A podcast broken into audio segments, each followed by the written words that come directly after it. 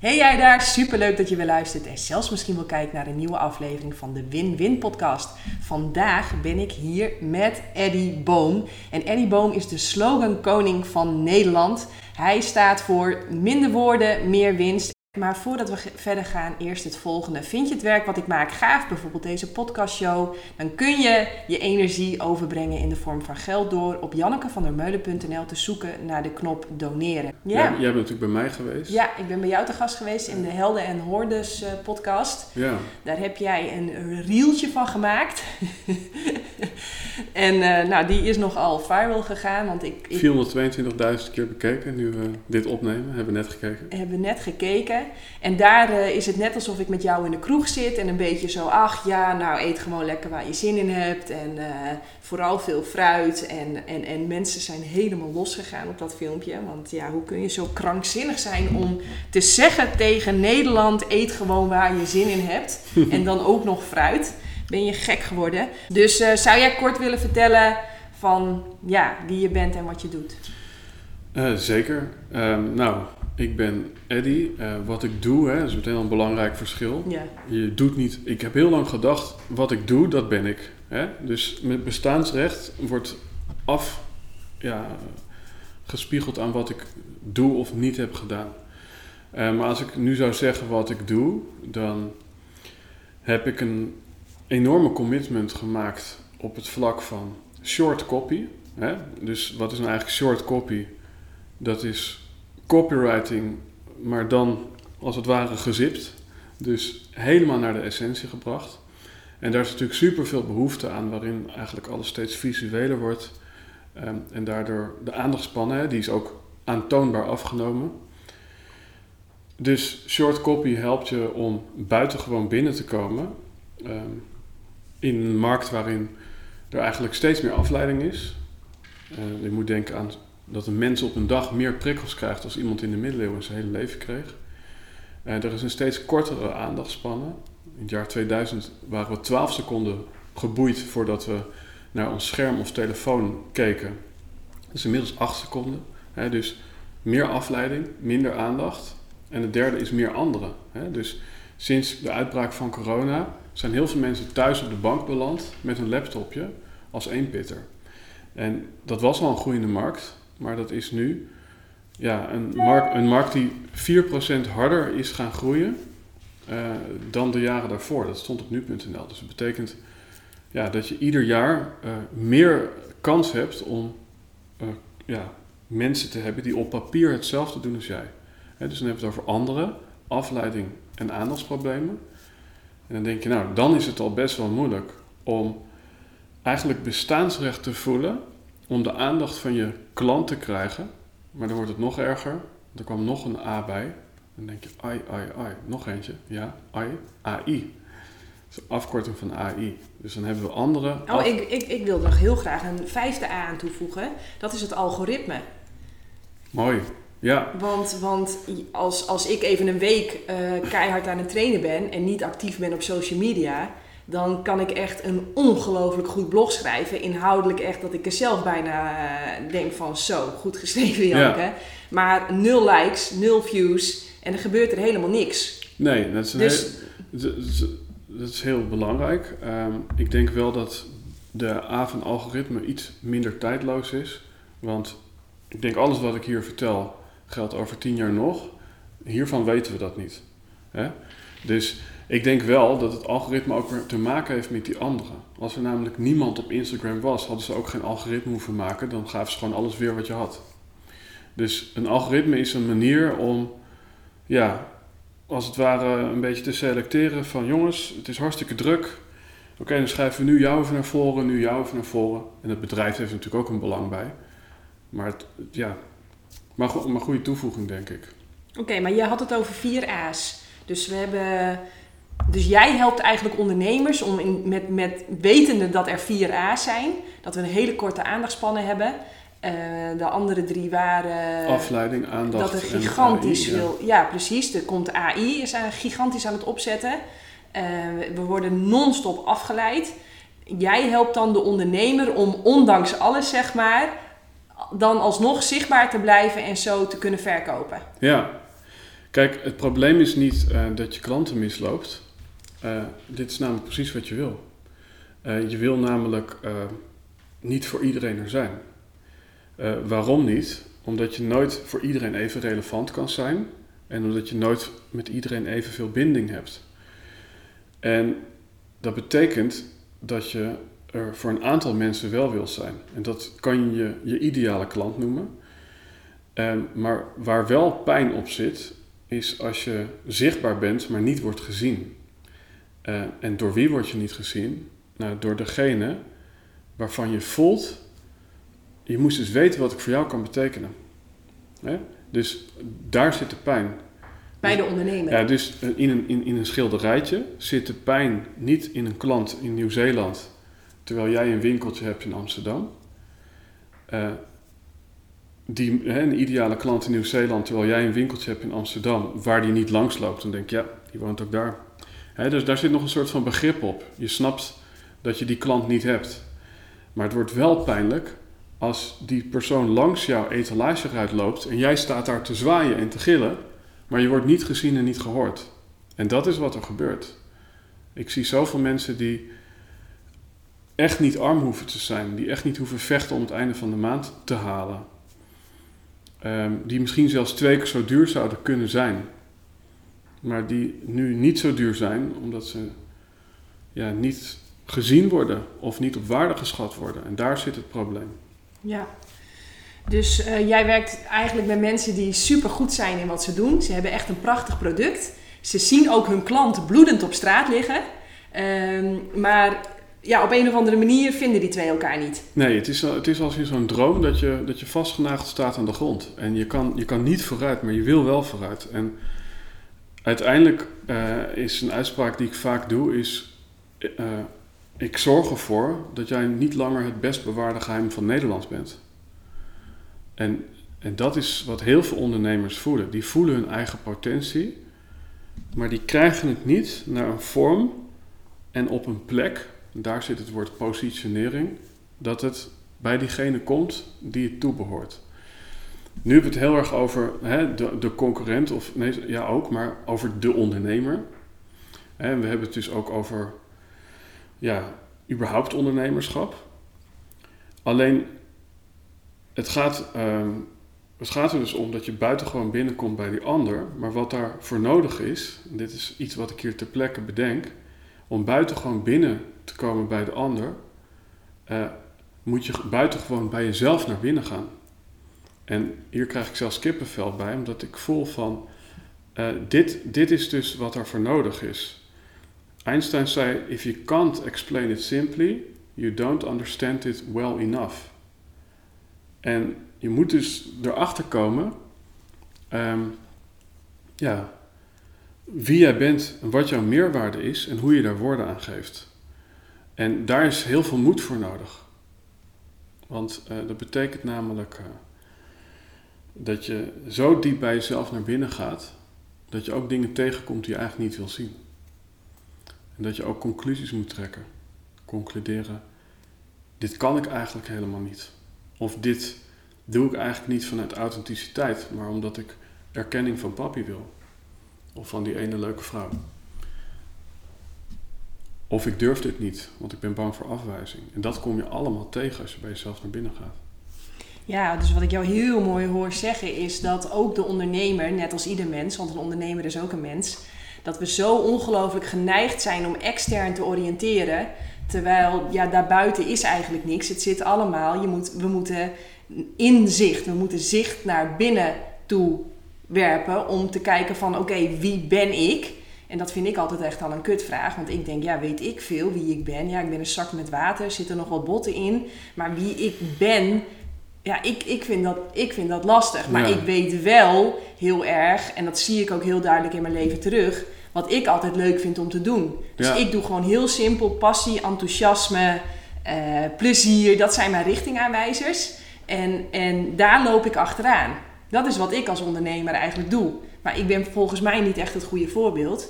Uh, ik, ja, ik, ik, ik, zie mezelf ook niet als ondernemer, maar meer als kunstenaar. In de zin van als, als, eigenlijk als artiest. En, uh, want volgens mij is echt een ondernemer die zet echt een business neer. die zo goed draait dat hij op een gegeven moment ook iets te, kan verkopen. Ja, Maar een kunstenaar, als ik stop, hè, een artiest zoals ik ben, als ik stop met mijn liedjes zingen, ja, dan, dan valt eigenlijk alles in elkaar. ja. Ja, ik Niet zie dat ik echt mezelf ook wel heb, eh, maar- als, als, als artiest hoor. Hè, er, er wordt wel eens gezegd, eerst ben je een dromer, daarna word je een artiest, daarna word je een ondernemer en daarna word je een aandeelhouder.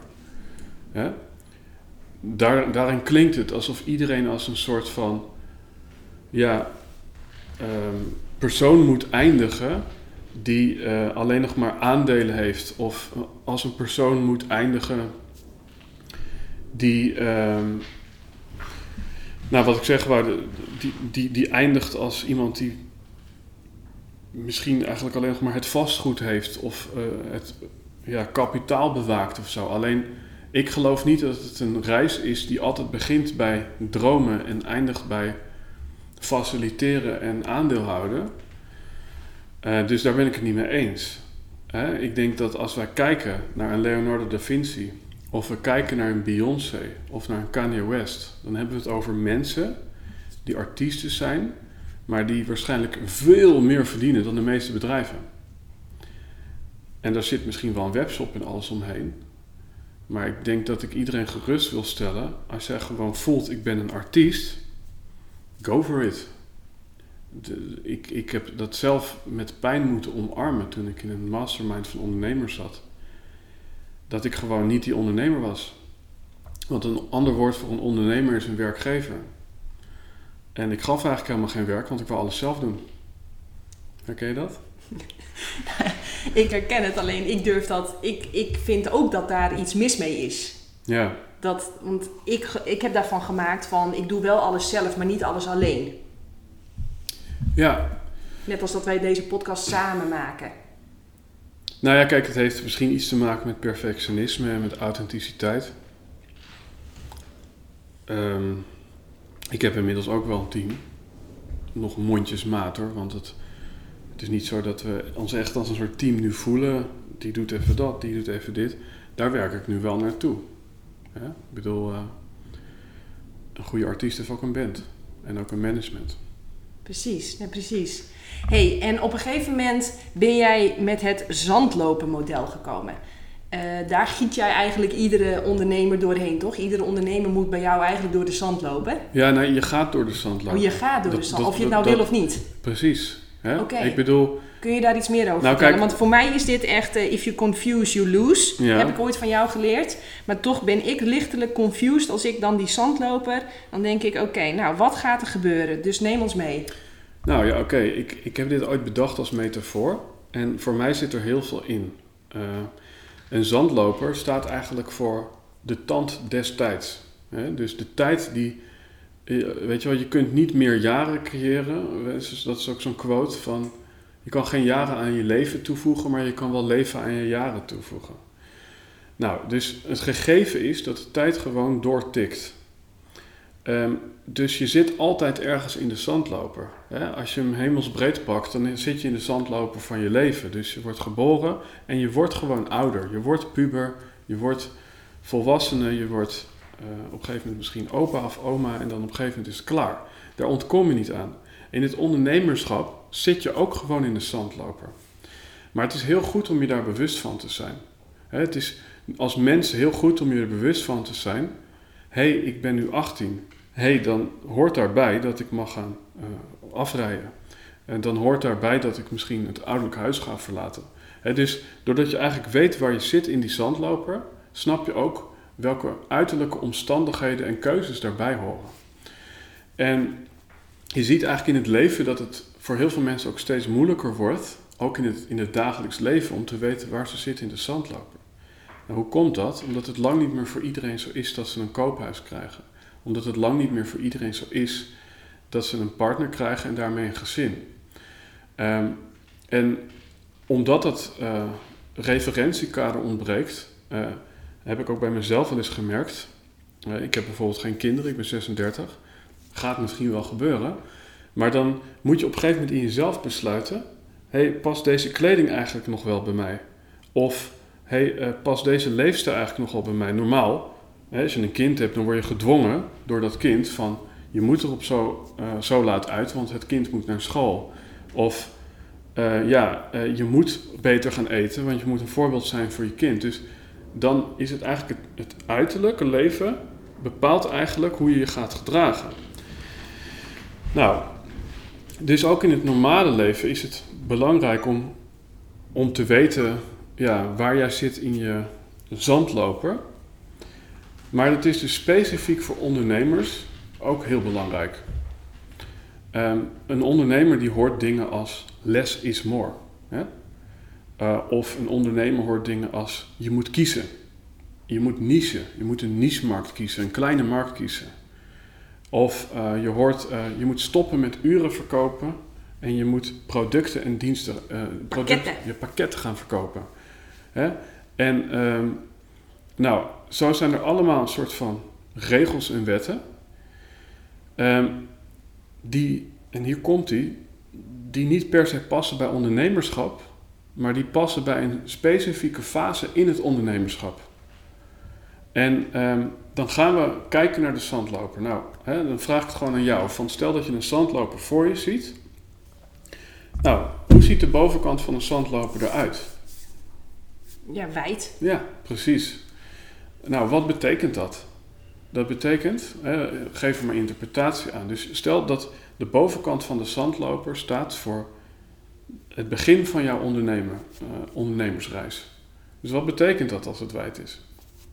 Mm. En er is geen goed of fout, hè? maar ik vraag nou ja, nou ja, wat, wat, wat ik dan is niet specifiek. Dus dat betekent van alles wat, uh, breed, ja. breed, niet diep, maar breed. Uh, dat, dat is wat ik voor me zie. Ja, dus dat, het betekent inderdaad uh, dat, dat als je het praktisch maakt, je ziet vaak mensen die net gaan ondernemen, die hebben allerlei verschillende soorten klanten. Uh, die vragen allerlei verschillende soorten bedragen en maken voor iedereen een andere op maat gemaakte offerte. En die hebben waarschijnlijk daarmee ook allerlei verschillende soorten problemen die ze proberen op te lossen. Nou, als ik hem even helemaal plat druk, want het zijn er eigenlijk zes, dan is het allerlei soorten problemen die je oplost voor allerlei soorten mensen. Personen. Um, die je oplost met allerlei verschillende webpagina's waarin je daar producten of diensten of uren voor verkoopt. Um, waarin je allerlei kanten van jezelf laat zien om te beargumenteren dat jij die, die, ja, die, dat wel even gaat cheffen. Dat je het wel even gaat rocken. In die fase, als je daar zit, dan is het vaak ook niet verstandig om te kiezen en niezen. Um, dan bestaat zoiets als imago. Hè? Vertrouwen komt te voet en gaat te paard. En stel nou dat je in die beginfase kiest om jezelf te profileren als burn-out coach. Terwijl je er na drie jaar achter komt dat je eigenlijk paardenfluisteraar wil zijn. Ja, dan duurt het nog heel lang voordat mensen jou niet meer gaan aanspreken als burn-out coach, maar als paardenfluisteraar. Dus je, je maakt het jezelf moeilijk. Um, en dat betekent dus dat je daarbovenin ben je gewoon breed en wijd uh, georiënteerd. En, en, en wat ik dus begrijp, daar is helemaal niks mis mee. Nee. Je mag in het begin, eh, want tegenwoordig, uh, dat is bij mij natuurlijk, moet ik dat ook. Ik moet een doelgroep kiezen en ik moet, en dan denk ik, ja, flikker op, ik doe gewoon wat ik leuk vind. Ik wil gewoon een leuke dag. En ik weet gewoon zelf waar ik goed in ben en welk, hoe mijn ideale klant eruit ziet. En dan is het voor mij is de kous af, zeg maar. Terwijl, ja, er wordt toch wel heel... Wie niet kiest, verliest. Dat is toch wel vaak wat je hoort. Ja, ja. Dus bij mij is nu, zeg maar, de, de, stem in mijn achterhoofd zegt nu... van ja, je hebt niet gekozen, Janneke. Dus er komt een moment waarop je gaat verliezen. En nou, nee, het mooie is... ehm, ehm, je hebt altijd de keuze. Maar eh, je hebt niet altijd de bereidheid om te kiezen. En waarom heb je niet de bereidheid om te kiezen? Omdat je nog onvoldoende keuzemogelijkheden hebt gecreëerd. Nou, ik zeg misschien heel veel, maar kiezen, uh, dat kun je pas als jij uh, Kennis hebt. kennis hebt. Ja, En kennis en ervaring is dus wat je boven in die zandloper opdoet. ja. Ja. En ehm, Dus niks mis mee. nee, Dat, want dat was eigenlijk mijn punt. Niks mis met gewoon beginnen. Iedereen proberen te helpen. ja. Ehm, En daarom ehm, is dat ja, die hype van het vinden van je why, eh, of het weten wat je passie is, en dan ergens op een hutje op de hei gaan zitten om te, te concluderen wat je passie of je talent is. Ja, hè, ik denk dat ik dat wel aardig kan. Waarom? Omdat ik in staat ben om vanuit introspectie, ja, metafysisch diep bij mezelf naar binnen te kijken. Alleen heel veel mensen die die, die hebben dat introspectieve vermogen niet, of die hebben de bereidheid niet om uren te gaan onderzoeken. Hè? Dus, dus ik plaats mezelf ook niet boven een ander. Het is gewoon een soort natuurlijk gegeven dat ik altijd de diepgang ga opzoeken en ga graven en filosoferen. Dus al die mensen die wachten, ja, wat is nou mijn passie? Uiteindelijk is het heel simpel. Kiezen heeft alles te maken met nee zeggen. En eh, wanneer kun je nee zeggen? Als je weet dat je het eigenlijk helemaal niet leuk vindt. Dus het begint met het veld verkennen. En kiezen heeft dus alles te maken met nee zeggen. En het mooie is, als je dus de bereidheid om nee te zeggen, dan gebeurt er iets in jezelf en ook iets in je omgeving. Dat is een mooie quote die zegt: Wie ja zegt, eh, is populair bij iedereen. Wie nee zegt, krijgt respect van de mensen waar het om gaat. En daar zit dus ook de moed. Het nee zeggen betekent namelijk altijd dat je voor sommige mensen minder populair wordt. mhm. ja. ja. ja, absoluut. Ja, Ja, en zo begonnen we deze podcast. Want die reel, die stuit op weerstand bij mensen. ja. Ja, En als je dan kijkt naar Winston Churchill, die zegt: Je weet pas als je ergens voor staat, als je merkt dat je evenveel tegenstanders als voorstanders hebt. ja. Nou ja, en, ja, en je weet ook als je ergens voor staat als het je dingen gaat kosten. Als Ja. het, hè, want anders ja, dan zijn het eigenlijk maar gewoon praatjes. Maar door je echt uit te spreken en echt ergens voor gaan staan, ja, dan zijn er dus mensen die nee gaan zeggen. Je gaat weerstand krijgen, je gaat Ja. tegengas krijgen, je gaat dislikes krijgen.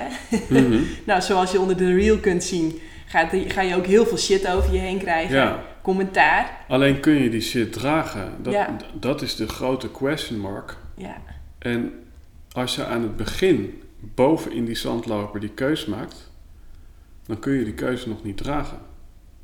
En dat heb ik gehad. Ik was denk ik tien jaar geleden, ja het is nu letterlijk tien jaar geleden dat ik begon met vloggen op YouTube over persoonlijke ontwikkeling. Toen is er een moment geweest, en ik heb het in een andere podcast kort aangehaald. En toen kwam er een jongen naar me toe in die kroeg. En die kroeg die heette Café Briljant. Maar zo briljant was het niet wat daar gebeurde.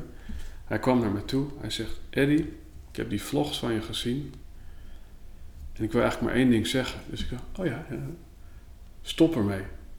En, en kom ook nooit meer het podium op. Want hier ben je gewoon zo niet voor gemaakt. Het is stenenkrommend om ernaar te kijken. En ik zeg dit niet alleen namens mezelf, maar namens bijna iedereen in deze kroeg die ik niet bij naam wil noemen, omdat ik dat niet discreet vind. Nou, dan sta je daar. Je staat er echt alsof je Frodo bent. En iedereen weet, jij draagt die fucking ring onder je jas. En overal boze blikken. En buiten twaalf zwarte paarden, of zeven, wat zijn het? Nou, zo ben ik echt met mijn staart tussen mijn benen naar buiten gegaan. Ik heb op YouTube uitgezet dat je ook op dislike kon klikken, want je had toen nog rode duimpjes die visible waren. En ik heb letterlijk een jaar lang niets meer gedaan op video. Ik was uitgeschakeld. Dus die keuze, die kon ik wel maken, maar ik kon de, de consequenties van die keuzes nog niet dragen. Terug naar het zandlopermodel. Ja, terug naar het zandlopermodel. Want ondertussen trekt de tand destijds gewoon de boel naar beneden. En zodra het minder breed wordt, dan kun je niet meer alle klanten meenemen. Je kunt het voor je zien. Bovenin staan er 10 klantjes naast elkaar, 10 productjes naast elkaar. Je gaat omlaag. Hé, hey, nu kunnen er nog maar 5. Hm, nou, dan moet ik toch, jongens, helaas jongen, gaat niet mee naar de volgende ronde. Laat je er ja, steeds meer achter. Als het goed is. Ik kan me ook voorstellen dat sommige mensen dit niet durven. Die blijven maar ja zeggen tegen iedereen. Ja, klopt. Maar dan blijf je dus boven die zandloper zitten. Oh, oké. Ah. En, eh, en, en wat gebeurt er dan? Dat is het mooie. Wat, wat, wat, hè, als je dit voor je ziet, wat gebeurt er als, je, als het zand niet naar beneden loopt? Wat, wat is er dan aan de hand?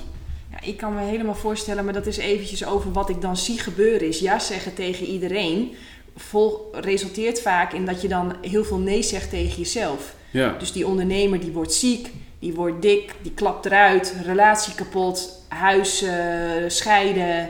Dat, Ja. dat gaat er gebeuren. Zoiets zie ik voor me. ja, als je het heel erg visueel, letterlijk voor je ziet.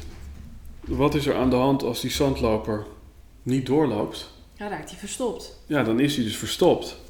En eh, met Dan andere woorden, dan staat de tijd stil. En dan krijg je dus inderdaad het profiel ondernemer. Hè, en ik heb nu een beeld voor mij van ontwerpers of fotografen die eigenlijk niet eh, ja, zichzelf hebben gespecialiseerd, die niet die autoriteitspositie hebben gepakt. Want je wordt een autoriteit naarmate je meer gaat pe- specialiseren. En eh, dan wordt het steeds harder werken, omdat je eigenlijk vecht tegen de tand des tijds. En je tijd is je bondgenoot. Dus geef je over. En accepteer dat je daarvoor dingen moet achterlaten. En op een gegeven moment komt dus dat, dat hele mooie punt midden in die zandloper. En dat is het punt dat je eigenlijk nog maar één ding mee kan nemen. Er kan nog maar één zandkorreltje eh, ja, door dat middenpunt heen. En dat, eh, ja, dat zandkorreltje, dat staat eigenlijk voor... Je kunt eigenlijk niet anders dan radicaal jezelf zijn op dat punt. Je kunt ook niet anders dan alleen die ene persoon meenemen. Noem het je partner of je ideale klant. En dat is dus in mijn bewoording ook nooit een doelgroep, maar ik noem dat zo radicaal een doelpersoon.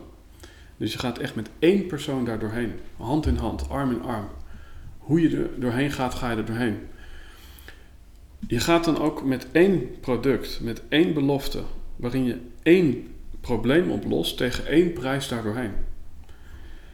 En het is vaak heel oncomfortabel.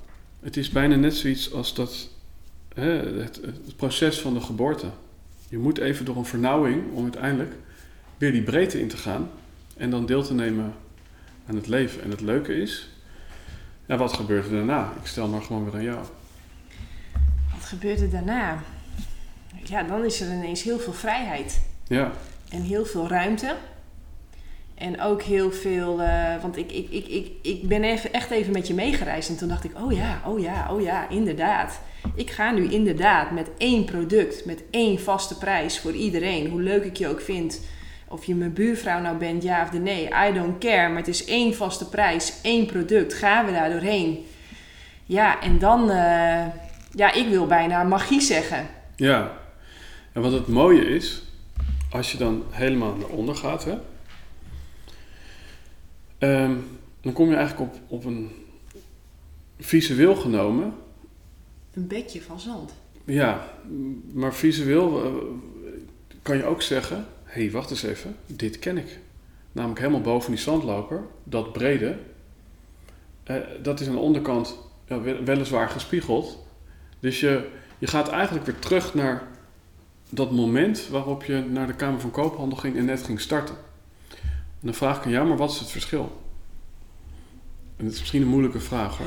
Nou, ik weet, het is toch superveel verschil. Toen ik naar de Kamer van Koophandel ging, had ik geen klanten, ik had geen inkomen, ik had geen, eh, ik had geen duidelijke missie, geen visie, ik eh, had geen geld op mijn bankrekening, ik werd niet gevraagd voor podcast, niemand kocht mijn boek, ik had niks. Mhm. Ja, Ik had helemaal niks. Ja, ik had mijn baan opgezegd bij de Shell. Dat had ik. En verder had ik niks. Oh ja, roeien wat ik leuk vind. En schrijven wat ik heel erg leuk vind. En ja, dat had ik niet. Ja. nee, nou ja, precies. Maar neem mij mee. Want Ja, eh, ja, nou goed, kijk. ehm, onder in die zandloper.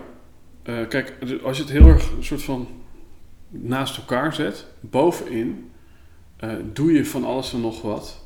Omdat je onervaren en incompetent bent. onderin doe je van alles en nog wat, omdat je ervaren en competent bent. En een mooi voorbeeld, want de zandlopers zien we dus niet alleen in ondernemen, maar ook in het artiestschap. Dat is bijvoorbeeld, uh, nou neem even Miles Davis. Die, zat ooit, die liep ooit door het bos, gaat het verhaal. En die hoorde vogels fluiten en die denkt dat wil ik ook kunnen. En die ging toen een beetje van alles en nog wat proberen. dus wat zie je vaak? Jonge kinderen die musiceren niet van blad, die doen maar wat. Ehm, die proberen allerlei instrumenten uit. Dus wat er op die plek gebeurt, het is vaak nou ja, als ouder best wel oorverdovend. Weet je wel?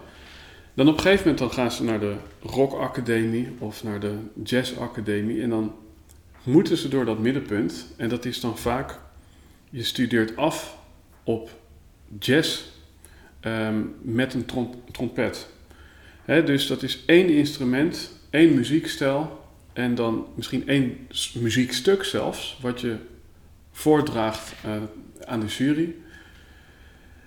En daarna, en dat zie je dus letterlijk bij Miles Davis gebeuren, dan komt er een moment dat je die hele lessen naar omgooit. Dat je de hele partituur van tafel gooit en dan speel je vanuit improviseren, dus ook weer vrij, speel je de sterren van de hemel. En dan klinkt het dus ook mooi. En ik denk het hele fijne is om te realiseren dat als je door dat middenpunt naar dat bredere gaat, dan heb je vaak um, autoriteit, expertstatus, gezag, respect, allemaal woorden die daarbij horen. En omdat je dus eigenlijk het respect en het gezag hebt, ehm, dat noem ik dus wat er staat, de right to tell, krijg je dus een soort carte blanche om ook iets heel anders te mogen doen. Dus wat je ziet, ik noem even nog een voorbeeld, Marco Borsato, die had wekenlang de top 40 met Dromen zijn bedrog. En daarmee had hij zoveel geld, status, respect, dat hij ineens ook regisseur mocht worden van een film. Dat hij ineens ook ambassadeur mocht worden van Afrika. Dat hij jury mocht worden van The Voice. Hè? Dus misschien een naam die een beetje bediscussieerd is nu.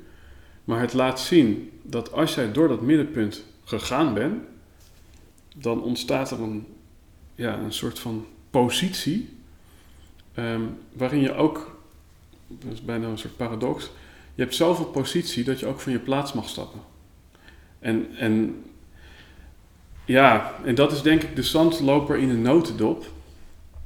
Um, ja, maar ik denk, ik, het klinkt fantastisch hè. En ik zie het ook voor me. En ik zie het ook gebeuren. En talloze voorbeelden.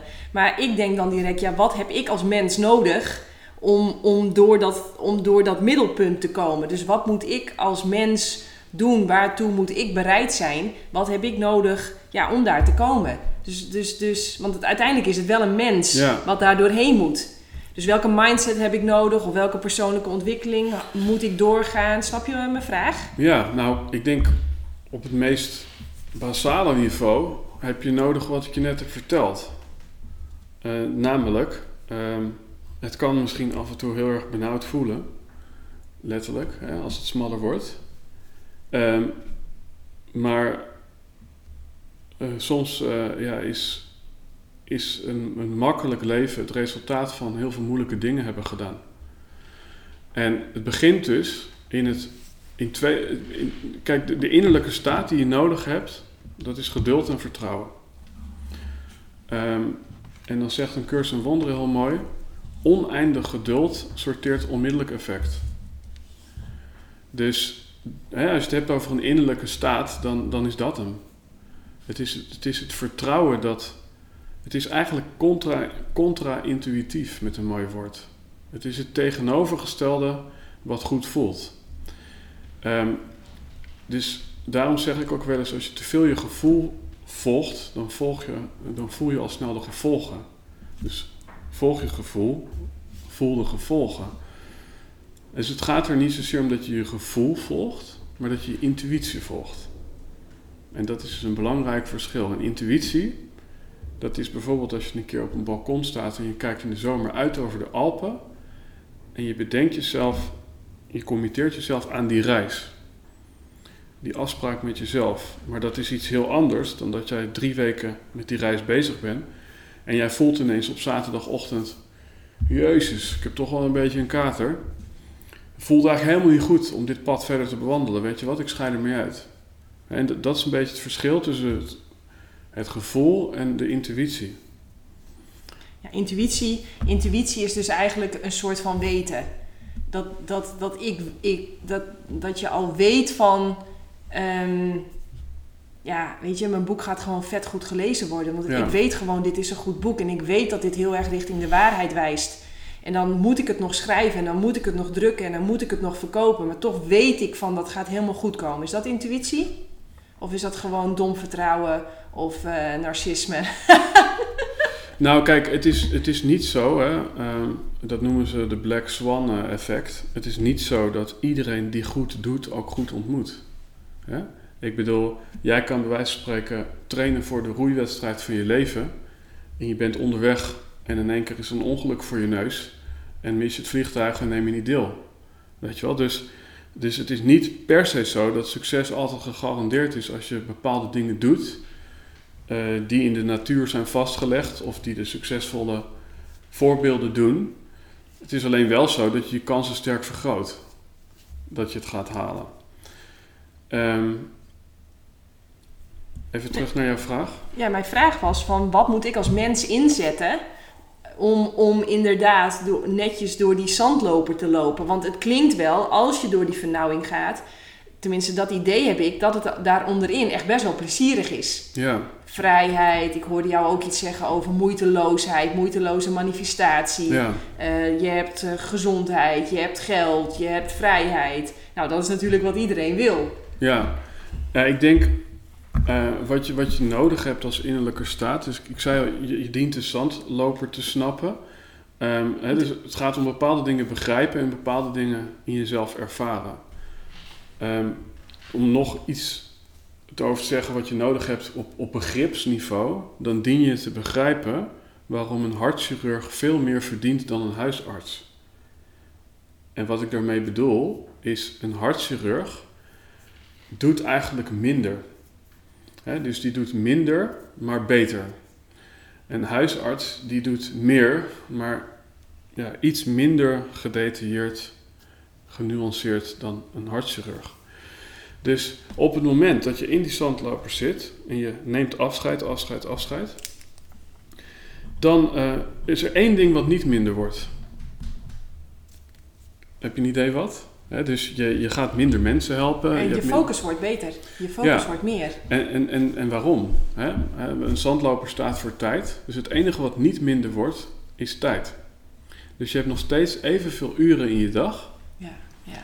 Ehm, dus die uren, eh, die gaan dan naar minder dingen toe. Er wordt wel gezegd, Brian Tracy zei in de jaren tachtig... eh, als je een kind vraagt wat is liefde, dan zegt hij tijd. Dus een kind spelt love, L-O-V-E, met T-I-M-E. Dus hoe meer tijd je met een kind doorbrengt, hoe meer dat kind van die ouder gaat houden. Geldt ook voor, voor jou, ehm, waarom hou je meer van een IKEA-bed dan van een bed wat je kant en klaar koopt? Omdat je meer tijd met dat bed doorgebracht, omdat je hem in elkaar moest zetten. Dus daar waar je tijd in steekt, st- ja, ontstaat liefde. En nou, Ja. ja, ik vind hem heel erg leuk, want ik moet aan het verhaal denken van een moeder en een dochter die heel veel ruzie maakten met elkaar. En toen had de therapeut gezegd van ga iedere dag maar elkaars haar kammen en elkaars haar vlechten. En toen is die relatie goed gekomen. oh, puur door, eh, door ehm, echt onverdeelde aandacht voor de ander te hebben. En echt, ja, ja dat. Dus daar moest ik even aan denken, Ja. daarom moest ik grinniken. Maar ik, jij zei zo straks van wat je echt in moet zetten als mens om door die vernauwing te kunnen, om dan onderin te komen, eh, dat was een vertrouwen. En dat was niet je gevoel volgen, maar je intuïtie. Mhm. En toen was ik heel nieuwsgierig wat er daarna ging komen. Ja, ik zei vertrouwen en geduld. En geduld staat dus ook voor de tijd die het nodig heeft om tot die essentie te komen. Ja, omdat, omdat het allerbeste hout gewoon nou eenmaal langzaam groeit. Ja, behalve bamboe. Ja, behalve bamboe. ja. Dat Maar dat is de uitzondering die de regel bevestigt. Ja, ja. Ja, dat is zo. Maar wat er dus gebeurt, je gaat dezelfde hoeveelheid tijd besteden aan minder dingen. Nou, dat betekent dat dat ene ding zoveel tijd en liefde krijgt, dat dat een meesterwerk moet worden. Ah, mooi. Ja. En nou, wat er dus gebeurt is, uh, wanneer ben je een specialist? Hè, dan zeggen ze 10.000 uur uh, moet je besteed hebben aan iets. Maar moet je je voorstellen wat er gebeurt als je 100.000 uur aan iets hebt besteed. Dan kan het eigenlijk niet anders dan dat je daar de beste in wordt. Ja. En wat er dus gebeurt, hè, ja.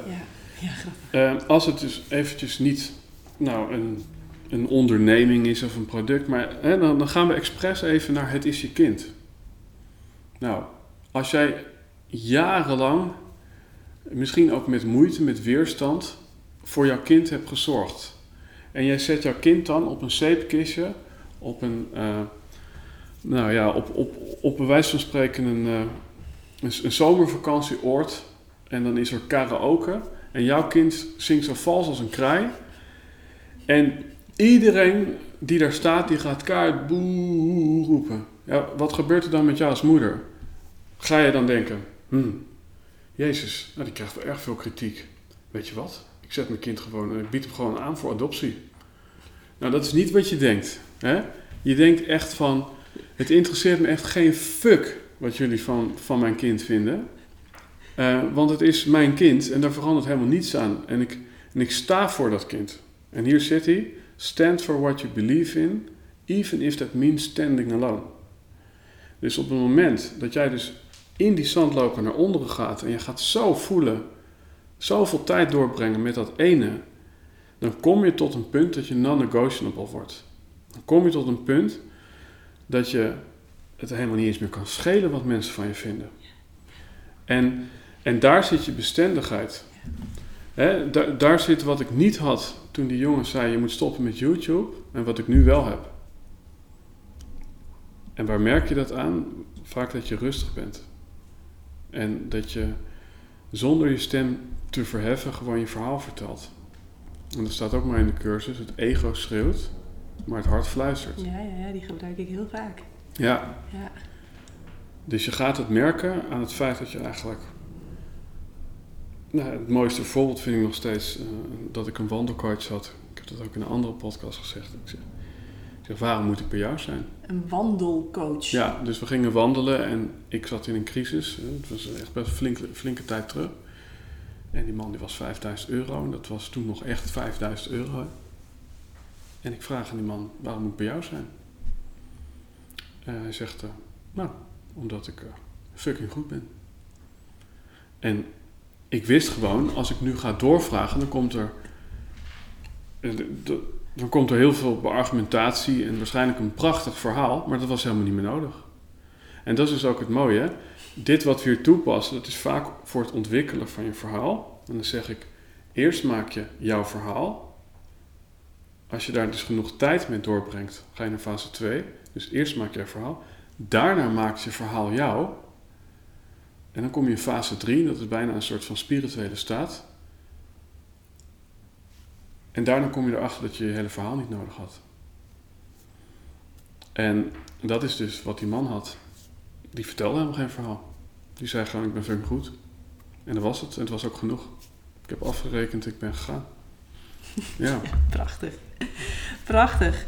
Oké, dus dat is eigenlijk het zandlopermodel. En jij gaat met een ondernemer praten om te voelen waar zit hij in de zandloper om dan vervolgens een, die persoon te helpen om door dat spannende, vernauwende gat te komen. Ja. Want wat gebeurt er als je daar doorheen bent? Want ik heb daar dan een beeld bij, maar wat zie jij gebeuren?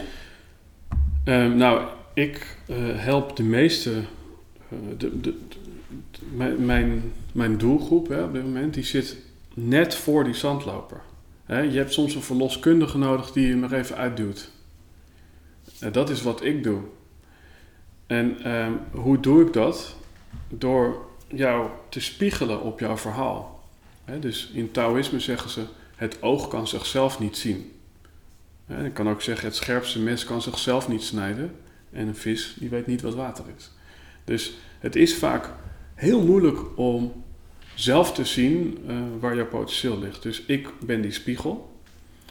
En omdat we dus ook in het traject weer vaak wel 18 uur, hè, als je het zou uitrekenen, bezig zijn met dat verhaal, ja, heb je eigenlijk genoeg instructies gehad en genoeg belichaming om door die vernauwing te gaan.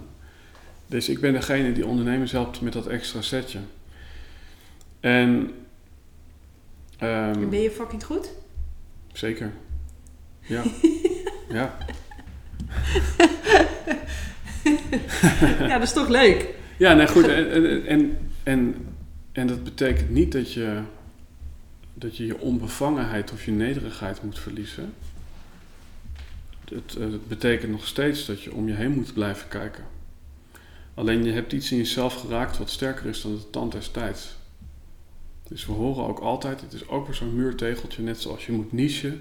En eh, net zoals inderdaad, eh, je moet een, een pakketje of een, weet je wel, in plaats van een, een, een uren, allemaal dat soort dingen. Ehm, hoor je dus ook altijd, je moet mee innoveren. Je moet elastisch zijn. Ik denk echt, fuck dat. en waarom denk ik dat? Tenminste, vanuit het midden van die zandloper genomen, klopt dat niet. Want wat zie je nou? Ehm, als je gaat kijken naar, ChatGPT hebben we ook nog zo meteen misschien. Maar als je nou gaat kijken van, wow, nu is er wel een soort bijna exponentiële snelheid in hoe dingen veranderen. Hè? Klantenservice worden opgegeven door ChatGPT.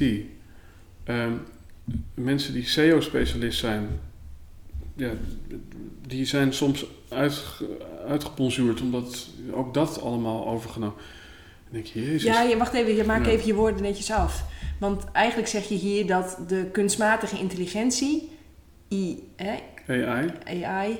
en, en eh, ChatGPT, die gaat Mhm. gewoon heel veel dingen overnemen die wij nu nog Ja. met mensen doen. Die straks een robot gewoon tien keer sneller, tien keer goedkoper, tien keer makkelijker en misschien zelfs nog wel tien keer beter kan. Ja, Ja, en ik kan me voorstellen dat het voor heel veel mensen dat misschien wel een beetje beangstigend is. ja dat, dat is het ook. Ehm, maar als je dus mee eh, gaat doen in het paniekvoetbal, dan verlies je sowieso de wedstrijd. Dus in plaats van de vraag te stellen, hoe innoveer ik mee? Ik zou zeker zeggen, maak een account aan bij ChatGPT als je het nog niet hebt en ga ermee spelen. Hè, zodat je ziet wat er gebeurt in de wereld en hoe het jou kan dienen ook. Maar waar de echte magie voor mij zit, dat is niet aan de kant van innovatie, maar eigenlijk aan de kant van conservatisme. En ja, het conservatisme, dat zit er maar in dat er bepaalde dingen zijn die zo sterk zijn dat ze de tand des tijds overleven. Nou, waar zien we dat? Klassieke muziek. Eh, romans. Ik heb laatst de avonden van Gerard Reven gelezen, heb ik jou verteld, uit 1920 of zo. Nee, 1945. Maar ook de Harley Davidson, die terwijl allerlei elektrische Ducatis uitkwamen, nog steeds een goede omzet draait.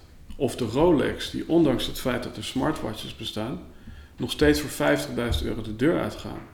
Of de vinylplaat, die zelfs duurder is geworden nadat Spotify kwam. Hè? Dus je ziet, er zijn dus producten die sterker zijn dan de tand des tijds. En Ik kan me alleen wel voorstellen, sorry, wil je eerst je verhaal afmaken Nee, of mag ik er doorheen? eh, je mag er doorheen. Oké, want dan denk ik wel van, ja, eh, Rolex, Harley Davidson, Apple, weet je wel, dat, dat, is, dat is zo ver van mijn bed. Mhm. Wat, wat moet ik daar als ondernemer in Nederland mee? Misschien ben ik gezondheidscoach, misschien ben ik fysiotherapeut. Ja. Eh, ja, weet je, dan denk ik echt, ja, leuk met Harley Davidson en Rolex en Apple en weet ik veel allemaal wat.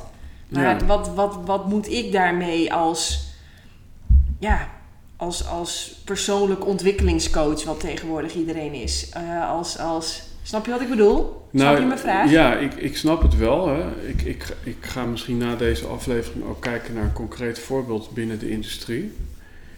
Ehm, maar ook in de industrie zie je, jij hebt jarenlang Eckhart Tolle gelezen.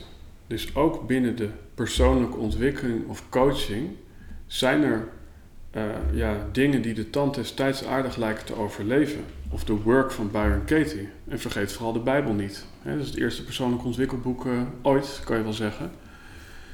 Ehm, dus ook binnen de industrie van communicatie en dienstverlening en lichaamswerk en coaching zijn er voorbeelden te vinden, want dit zijn gewoon natuurlijke principes. En hier ligt ook weer de hele paradox. Ehm, hoe krijg je een product, dienst, methode? Hè, je hebt de win-win methode. Hoe krijg je dat op zo'n manier ter aarde dat het de tand des tijds gaat overleven?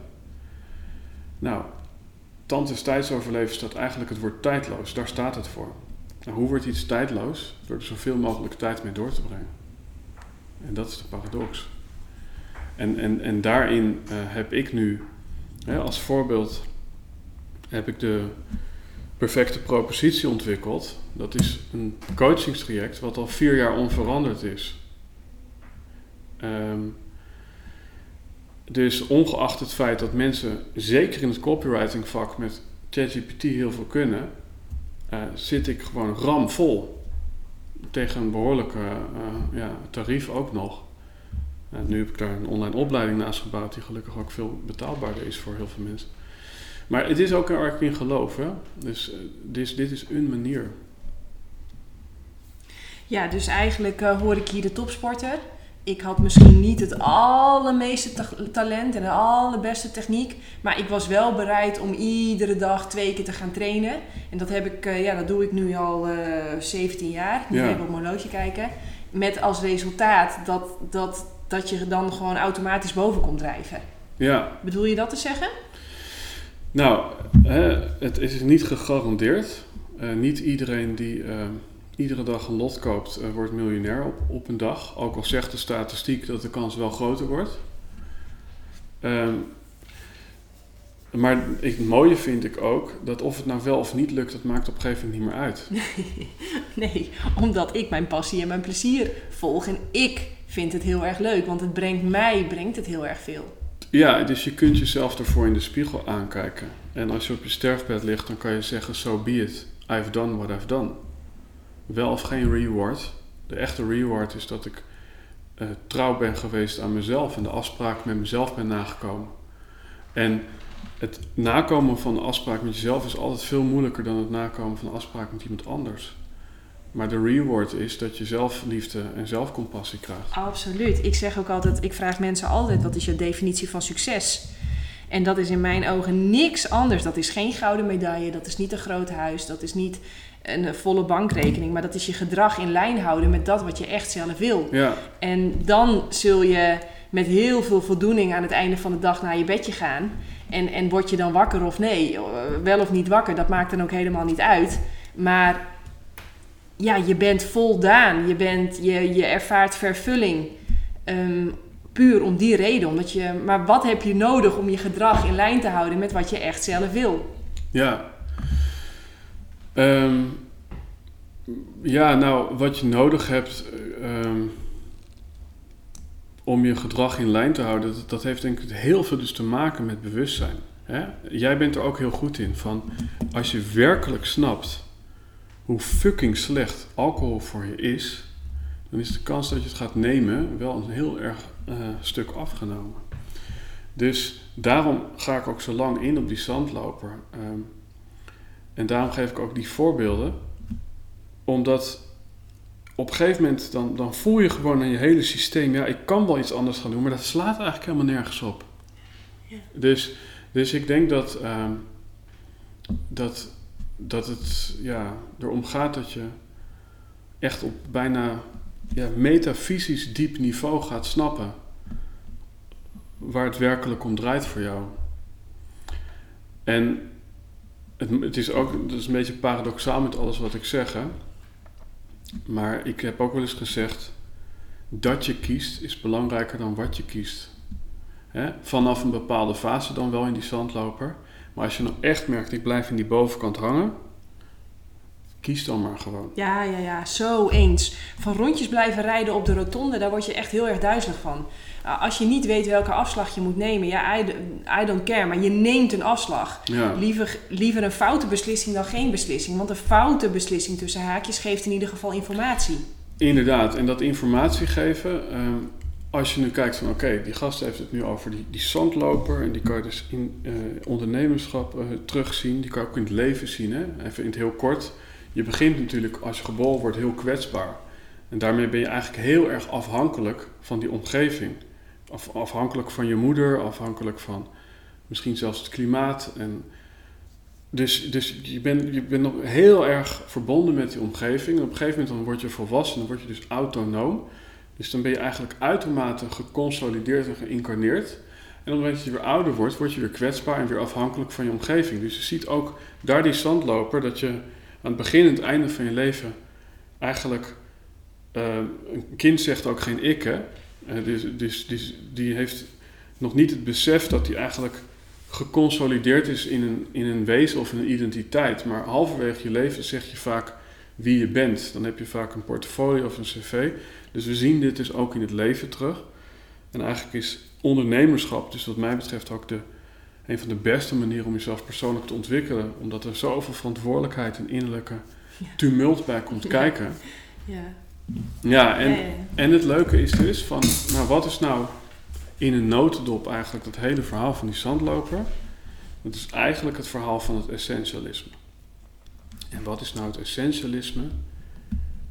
nou, heb je een idee?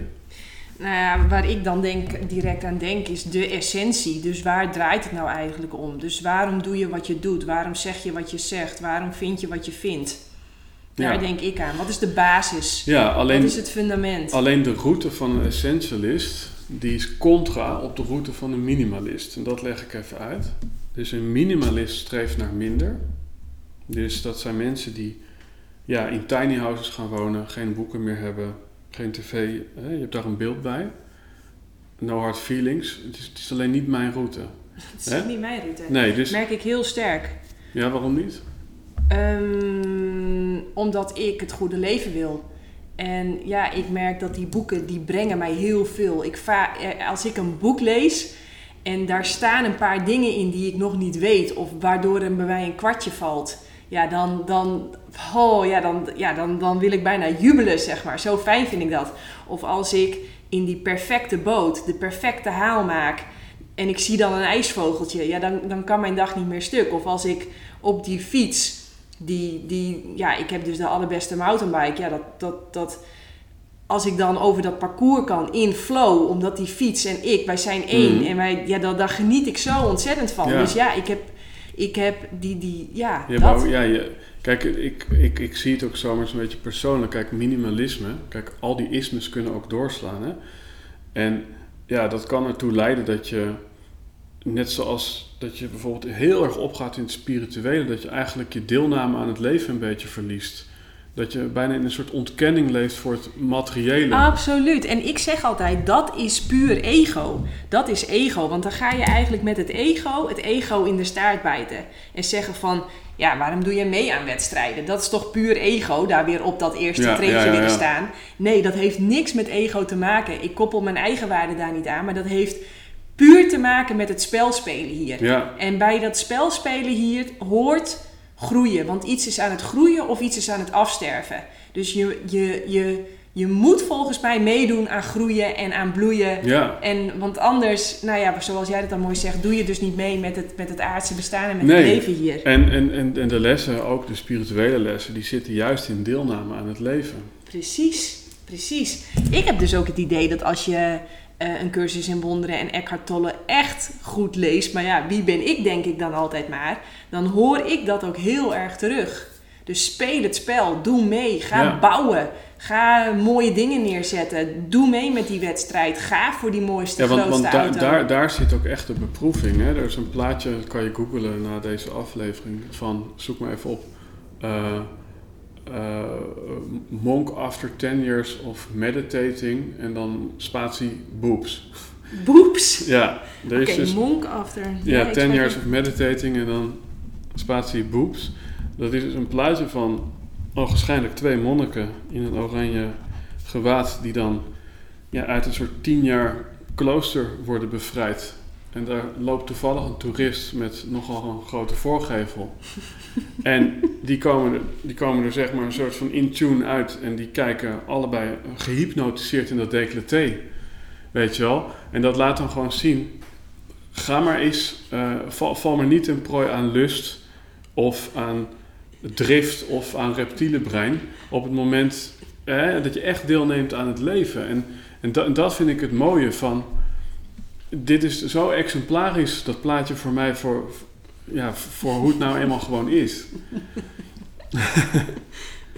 dus, ehm, maar even terug naar dat minimalisme. Dat is dus het streven naar minder. Mag ik nog even ook iets over minimalisme zeggen? Want ik doe Zeker. wat dat betreft wel ook aan minimalisme. Dat ik hoef geen troep in huis. Nee. Ik hoef ook geen eten in mijn lichaam waar ik niet achter sta.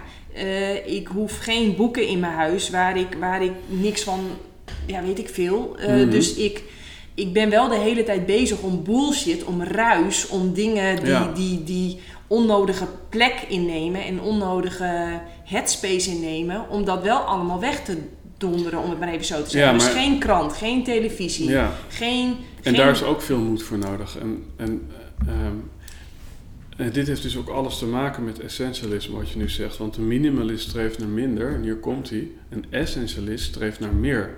Dan ga je denken, hoe zit dat dan? Nou, een essentialist, die wil zeker weten dat hij gaat voor hetgene wat het dichtst op zijn blauwdruk staat. Nou, hoe weet je zeker dat je daarvoor gaat? Door alle opties verkend te hebben.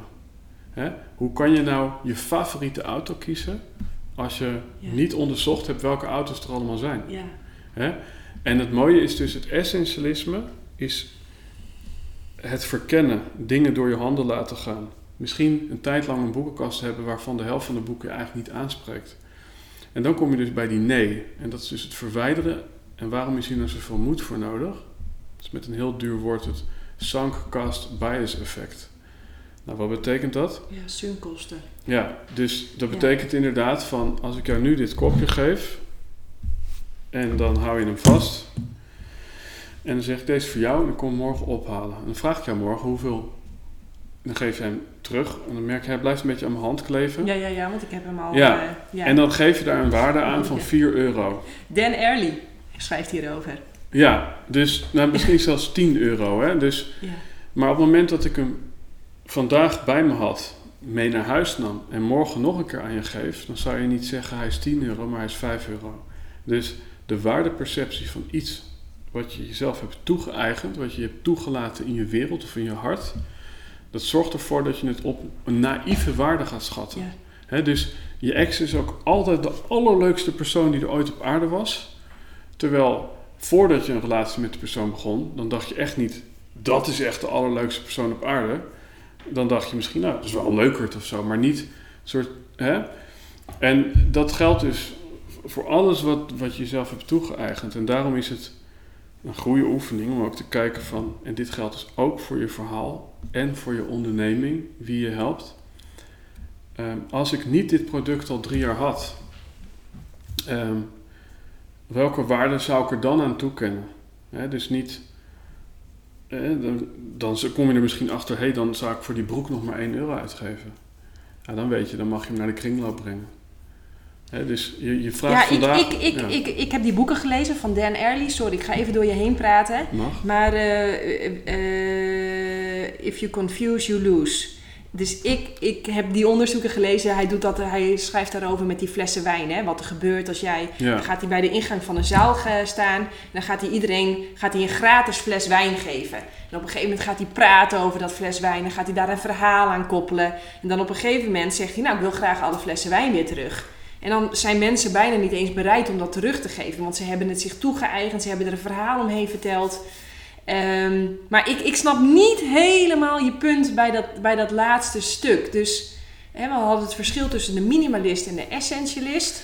En wat, wat, wat wilde je vertellen met dat kopje wat je aan mij gaf? En wat ik dan vervolgens weer teruggeef. Nou ja, wat, wat ik daarmee wou vertellen is dus dat dingen die je al hebt, zijn vaak heel moeilijk ehm, ja, eh, weer los te laten. Terwijl dat dus wel heel belangrijk is. Want we, Ja. we kwamen op het punt van voor nee zeggen heb je moed nodig. Ja, Voor eh, de televisie uit je huis donderen heb je moed nodig. Ja. Om te zeggen ik lees geen krant meer, daar heb je moed voor nodig. Om te zeggen ik eet geen vlees meer. Sterker nog, ik eet helemaal geen dierlijke producten meer. Heb je heel veel moed nodig. Want ja, je wijkt af van de norm. Je gaat... ja. Nou kijk, helemaal voor deze podcast zei je iets over meer en minder of zo, of over goede en daar daar had je een soort citaat van quote, weet je dat nog? Dus je, je had... Oh, ja, ja, ja. Nou, ik... ehm, je bedoelt dat groot worden makkelijk is, maar klein blijven de kunst is? Ja. ja, op een gegeven moment is groot worden moeilijk en eh, ja, eh, klein blijven makkelijk. En daar bedoel ik mee, ehm, als je midden in die zandloper zit Ja. en jij gaat daar dus doorheen Ja. en dan voel je jezelf innerlijk echt superveel waard. Je merkt dat klanten voor een goede prijs dat ene product bij je afnemen. Ja. Dat kan dan zoveel comfort geven. ehm, dat je, en je hebt dus ook ervaren wat het is om via dat essentialisme naar die essentie te komen in die zandloper. Dat je ineens merkt, ik zit ineens opgesloten in een soort conditionering. Hè? Dus je, je vindt het bijna moeilijk geworden om iets te doen waar je gewoon je passie op hebt zitten of wat altijd al een droom van je was. Omdat je eigenlijk niet eh, meer afstand wil doen van datgene wat je in de zandloper als enige ding mee hebt genomen. Snap je? Dus ehm, ik geef je even een voorbeeld hoor, want anders blijft het vaag. Nou, eh, mijn eigen voorbeeld. Ik, ik heb één op één mensen dus gecoacht ja, om een propositie te maken die uiteindelijk te vangen in een slogan. En ik word nu zo letterlijk af en toe zelfs ja, dat mensen roepen slogan koning, weet je wel. Dus ik, ik, ik krijg zoveel lof en zoveel respect voor die, die positie, dat, ehm, dat ik bijna door mijn omgeving en door mijn succes in een soort gevangenschap word gehouden. Dat, dat van spreken, als ik nu, ik noem maar iets, meditatieleraar zou willen worden, dan voel ik ja, ja, ja. Maar ik, heb nu best wel omzet met die slogan. En mensen vinden me ook heel leuk vanwege dat sloganverhaal. En dat bedoel ik. Dus hij bestaat ook andersom. Ik snap je nu. Ik snap je nu. Dat is een beetje de haat-liefde verhouding die ik heb met recepten. Hè, dus mensen zien mij echt helemaal hè, met dat win-win dieet. Eh, dus, maar ik vind recepten vind ik moeilijk. Want ik koop iedere, dag, iedere week ga ik naar de groothandel. Dan koop ik gewoon wat er in het seizoen is. Dus dozen bananen, dozen mango's, dozen avocado's. eh, dozen bladgroen, kruiden, kiemen, zeewier. Dat koop ik allemaal in dozen. En dan, ja, dan maak ik daar de win-win salade van. Ja, dat heb ik al duizend keer verteld. Dit is de win-win Ja. salade. Het is altijd hetzelfde. Iedere dag. Ja, Iedere avond om 6 uur. Je kunt de klok erop gelijk zitten. Zit, zit ik daar de win-win salade te eten volgens dezelfde formule. ja, Het is altijd hetzelfde. Maar op een of andere manier blijven mensen van mij graag willen dat ik recepten ga delen. Maar dat is het. Er Ja, is niet ja, meer. ja, dat, nee. is, dat is het. ja, precies. Dus, ehm, dus je kunt ook zeg maar zo diep in een skisport terechtkomen... dat je met je ogen dicht eh, ja, met, met een recordtijd naar beneden komt... maar dat het op een gegeven moment heel moeilijk wordt... omdat die groeven zo diep zijn geworden om er nog uit te komen. Ja, ja. Snap je? Oké, dus de, goh, En, daar, en, daarom, en daarom, juist daarom hou ik zo van het essentialisme, omdat het iedere dag opnieuw een soort innerlijke staat vraagt van onderzoek doen. Wat klopt er nu voor mij? Ja. Weet je wel? ja. Ehm, ehm, waar moet Maar ik dat nu moet ieder mens toch eigenlijk doen? Ja. Non-stop. Nou kijk, ik denk dat iedereen Want je, wil... je kunt dit met je business hebben, maar je kunt dit met je relatie hebben. Je kunt dit met je huis hebben. Ja. Je kunt dit met je lichaam hebben.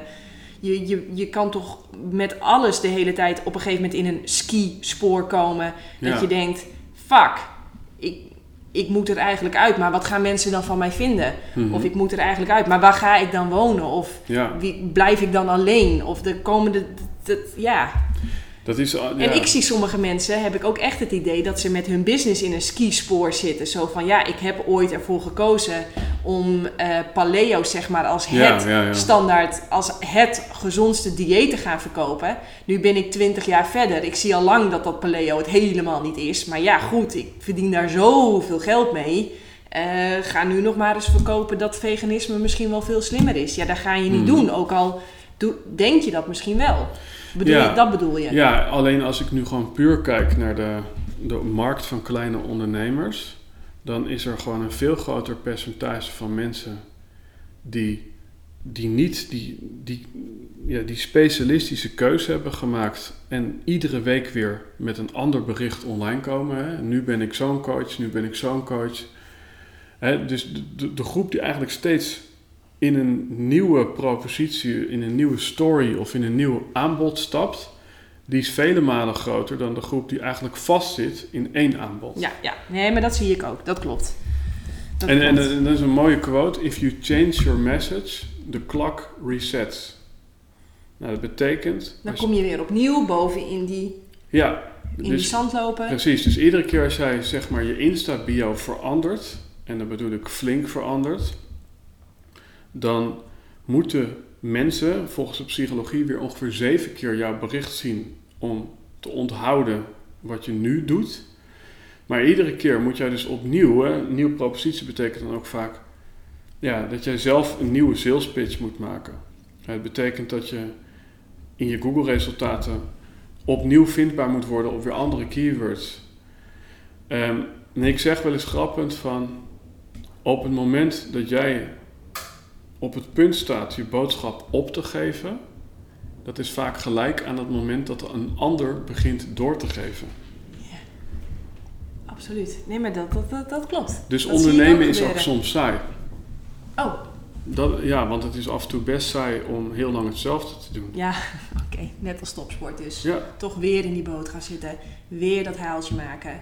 ja. Ik moet ondertussen even naar de wc. Eh, ik ben zo terug.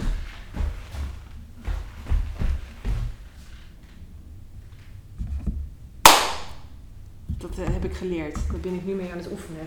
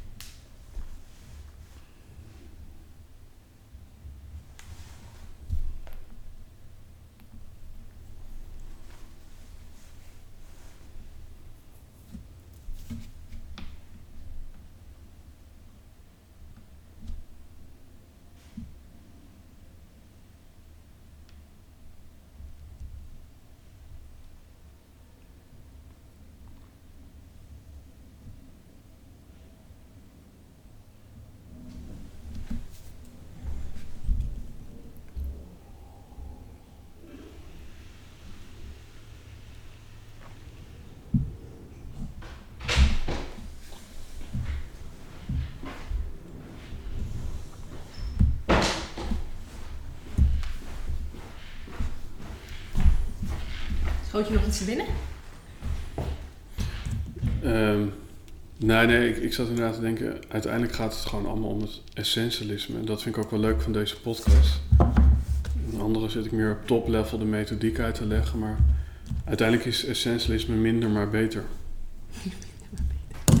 Oké. Moeten we nog over wat over ChatGPT zeggen? Ja, dat is goed hoor. Kunnen we er nog meer over vertellen? Jawel. Oké, leuk. Oké, ik eh, moest eventjes naar de wc, maar ik ben nu weer terug. Mag ik eventjes deel 1 samenvatten dat jij als business coach... Ben je eigenlijk business coach? Ja, ik noem mezelf positioneringscoach. Positioneringscoach. Ja. Ja, dus je- de, de moed hebben om een plek ja, te pakken. Ehm, en ik zeg wel eens, als je je plek niet kent, dan loop je iedereen in de weg. Ja, In- absoluut. inclusief inclusief ook. jezelf. Ja, daar heb ik ook veel over geschreven. Maar dat is al natuurlijk het ego. Hè? Je maakt je of onnatuurlijk groter, dat is irritant voor je omgeving. Maar je onnatuurlijk kleiner maken, wat vaak als heel sociaal en Mhm. vriendelijk en aardig en, en nobel wordt gezien, is ook vet irritant. Ja, Hè? Dus alleen als jij je juiste plek inneemt en de juiste ruimte inneemt, ja, dat is fijn voor Ja. jezelf en voor de ander. ja, klopt. Dus het is, en dat, het, het jezelf weer groter maken, dat is dus vanaf het midden van die zand lopen. Maar daarboven zou ik er wel voor gaan om jezelf kleiner te maken. Vertel. Nou, hè, dus We hadden het Hoe net bedoel over... je? Je, je? je bent toch in alle... Het is toch in alle levensfases fijn dat je jezelf bent? Zonder poespas, zonder Ja. jezelf groter te maken of Nou, zonder jezelf kleiner te maken. Ja, kijk, Je wilt toch gewoon jezelf zijn? Ja, nee, da- da- daar ben ik het wel mee eens. Alleen, eh, het is toch een beetje een tendens dat we onszelf groter maken op een beetje schreeuwerige manier. Hè, dus, eh, En waarom zeg je dan, maak je dan maar liever kleiner? nou, omdat eh, in die nederigheid Ja. zit ook heel veel gunfactor van je omgeving. Maar het bespaart je ook heel veel energie.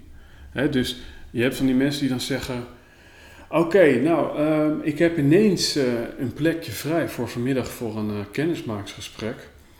En denk niet, je, hebt niet ineens een plekje vrij. Je hebt gewoon helemaal geen klanten. Je hebt de hele week al vrij. Weet je wel, dat kan je dan soms voelen of horen. Dus iemand die, die maakt de situatie dan eigenlijk rooskleuriger dan die is. Dus in plaats van dat, dat, eh, dat het voor die ander een uitkomst is dat er eindelijk een plekje vrij is, ehm, eh, waarin je die ander als het ware in een soort schaarste positie zet van nou, hm, nou is nu een plekje, dus laten we het dan maar doen. Terwijl het echte verhaal is, je zit zelf in financiële schaarste en je hebt gewoon een nieuwe klant nodig. Dat, dat noemt Alex van der Werf menselijke marketing. Ja. Ehm, dus ik zie wel gewoon vaak dat mensen aan het begin zichzelf iets te groot maken. Dus dat zie je ook aan, ehm, ik heb een bedrijfslogo en een bedrijfsnaam nodig. Ik denk nee, Je, je start net, dus noem jezelf maar gewoon Eddie Boom of Janneke van der Meulen. Voordeel daaraan is ook nog eens dat je niet dus dat verkeerde imago krijgt, waar we het eerder over hadden. Stel nou dat je jezelf de paardenfluisteraar noemt, maar je wou uiteindelijk ademwerker worden. Ja, dan heb je ineens weer een nieuw logo nodig. Moet je een nieuw imago opbouwen. Heb je weer dat change your message, clock resets. Hebben anderen weer tijd nodig om je te wennen. Dus ik zou zeggen van, begin gewoon, ja, in ieder geval niet groter dan je bent. Nee, sowieso niet groter. Maar ik snap hem nu ook nog niet, ook niet kleiner. Want Nou, dan kan ik je een hele mooie Ja. metafoor geven. En dat is tevens een bruggetje naar het onderwerp ChatGPT. Ehm, ik heb ChatGPT gevraagd, waarom is het in de meeste gevallen verstandig, verstandiger om je als ondernemer kleiner te maken dan groter? En dan kwam je met een heel mooi voorbeeld. Als je het hebt over een bos met grote bomen, ehm, dan een vol bos, hè, dus echt een beetje zo'n zwart woud. Nou, wat, wat zie je dan? Je ziet dat die wortels eh, in elkaar verstrikt raken. Dus eigenlijk zit je op elkaars plek en loop je dus in de weg. Dus dan zegt ChatGPT, het eerste wat er gebeurt, die, die wortels die verstrikt raken, dat kan je zien als, je hebt concurrentie.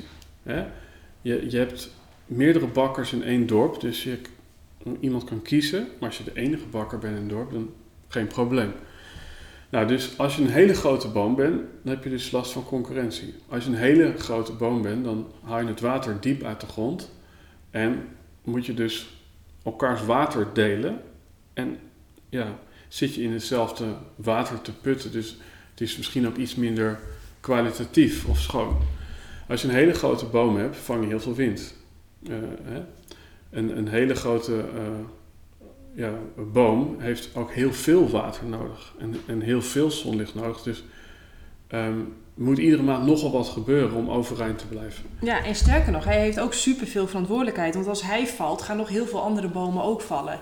Ja, Dus dit, ik, sorry, ik Ja, voel ja, hem aankomen, ja, maar het komt, het, ik voel dat dit richting gaat van, ja, groot worden, het, het is makkelijk, maar klein blijven is wat dat betreft dus toch een kunst. nou, maar praat verder, ja, want kijk- we hebben in het grote bos... Kijk, dat, dat kleine boompje, die heeft dus niet verstrikt in andere wortels. Heeft geen last van de wind, want de grote bomen houden die uit de wind.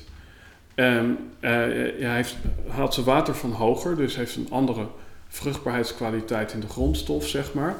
Ehm, en, en dit is dus een grappige extra, krijgt respect van alle grote bomen. Hè? Dus op het moment dat jij jezelf heel groot voordoet, dan de meeste mensen, hè, als je een hele grote auto gaat rijden, dan is er een hele grote groep die denkt dan, yeah right, weet je wel, eh, heb jij dat wel verdiend? Je hebt zeker eh, de erfenis van je pa gehad, jongen, jongen, weet je wel. Dus er zit vaak heel veel afgunst op mensen die groot zijn en heel veel respect voor mensen die klein zijn. Dus terwijl jij dus ja, heel, heel klein bent en groeit, heb je dus ook heel weinig last daardoor van die uiterlijke weerstand zoals ik dat had in die kroeg met iedereen die mij stom vond. Want ik maakte me toen, achteraf gezien, waarschijnlijk te groot. Ik ging namelijk als een soort Eckhart Tolle vertellen hoe je persoonlijke ontwikkeling moest doen, terwijl ik gewoon mijn eigen schaapjes nog niet op het droog had. Dus klein maken is, is goed, betekent niet klein blijven. Nou ja, en ik hoor ook nog niet helemaal een argument waarom het uh, handiger is om je kleiner te maken dan dat je bent. Ik hoor eigenlijk alleen maar een pleidooi voor ben gewoon jezelf, ben gewoon echt en ben zo groot als je bent. Maar ga als klein boompje niet doen alsof je groot bent. En ga als groot boompje niet doen alsof je klein bent. Nee. Ben gewoon jezelf, uniek, vaar je eigen koers. Doe waar jij uh, plezier aan beleeft. Doe waar jij enthousiast van wordt. Mhm. Doe waar jij in gelooft. En tuurlijk krijg je dan respect. En tuurlijk krijg je dan protection, uh, bescherming. Maar dan hoef je het toch niet kleiner te maken dan dat je bent. Nee, maar, maar um, ik denk ook dat ik het helemaal met je eens ben. Het is alleen gewoon vaak zo dat we een soort van dust of clutter om ons heen hebben. Sorry? Ja, dus we hebben een soort sto stof of, oh. of, of, rotzooi om ons heen. Um, dus vaak zijn we groter omdat we nog te veel dingen doen die we eigenlijk niet zijn. En um, uiteindelijk gaat het, hè, ik denk het hele korte antwoord is, het gaat gewoon allemaal om dat essentialisme. Dus onderzoek bij jezelf, ja, wat is mijn essentie? En dan is het volgens mij bijna altijd zo dat je dingen moet weghalen en niet dingen moet toevoegen. Ja, nee, nou ja, die geloof ik. Die geloof ik. Heel leuk. En toen zei je van, nou, dit is een mooi, uh, mooi bruggetje naar ChatGPT. Ja. Uh, nou, ik had in de intro al gezegd, ik weet dat het er is, maar ik doe er nog niks mee. Mm -hmm. um, verstandig, onverstandig? Wat, wat, wat is jouw mening? Nou, ik denk onverstandig. Um, hè, bedoel ik niet uh, gemeen of zo, maar kijk, weet je, ik, ik was van de week ook naar mijn uh, autogarage en ik zeg, joh, uh, de nieuwe Mini, want ik rij nu in de Mini. Ja, die is elektrisch. Ik zeg, gaan jullie dat dan ook doen? Nee, dat vind ik niet leuk en doen we niet aan. En, maar het zal zo'n vaart niet lopen. Ja, ik denk, het loopt wel die vaart, weet je wel. En ik bedoel, kijk maar naar dat filmpje uit geloof 1999. Nee, mobiele telefoon. Ik bel, wel, ik bel wel als ik thuis ben, weet ja. je wel. Um, ik schrijf wel een brief. Ja. En, en dan zit ik op de fiets en dan word ik ineens gebeld. Nou ja, ik ja. bedoel, wie zit niet in de auto of op de, op de fiets precies, met dat ding te kloten? Precies. En echt, echt, het is, ja. En, en zo zijn er gewoon een ja, maar aantal... in 30 jaar tijd is iets wat super onwaarschijnlijk leek, is tot iets geworden. Nou ja, wij hebben hem dan even weggelegd. Maar dit is wel echt heel dapper van ons. Ja. Dat we de telefoon uit hebben gezet en buiten bereik hebben gelegd. Ja. Ik bedoel, dat doet bijna niemand meer. Nee, Nee, maar, maar dat laat wel zien hoe snel iets kan gaan. Dus ik snap jouw punt. Ja, dus als we gewoon eh, een soort van piketpaaltjes plaatsen in, in de recente geschiedenis, dan zien we dus de smartphone, hè, eh, die in 2008 opkwam, want die was er nog niet in 1999. Vol- Zeg ik even uit mijn hoofd, hè, pin me er niet op vast. Maar dat was echt life-changing. Wat ook life-changing was, was de .com- .com-bubbel in 2000. Hè? Mensen die zeiden, webshops, hoezo, weet je wel. Je ziet nu dat de, de halve winkelstraten leeg staan en alles wordt uit paniek maar een koffietent of een schoenenwinkel.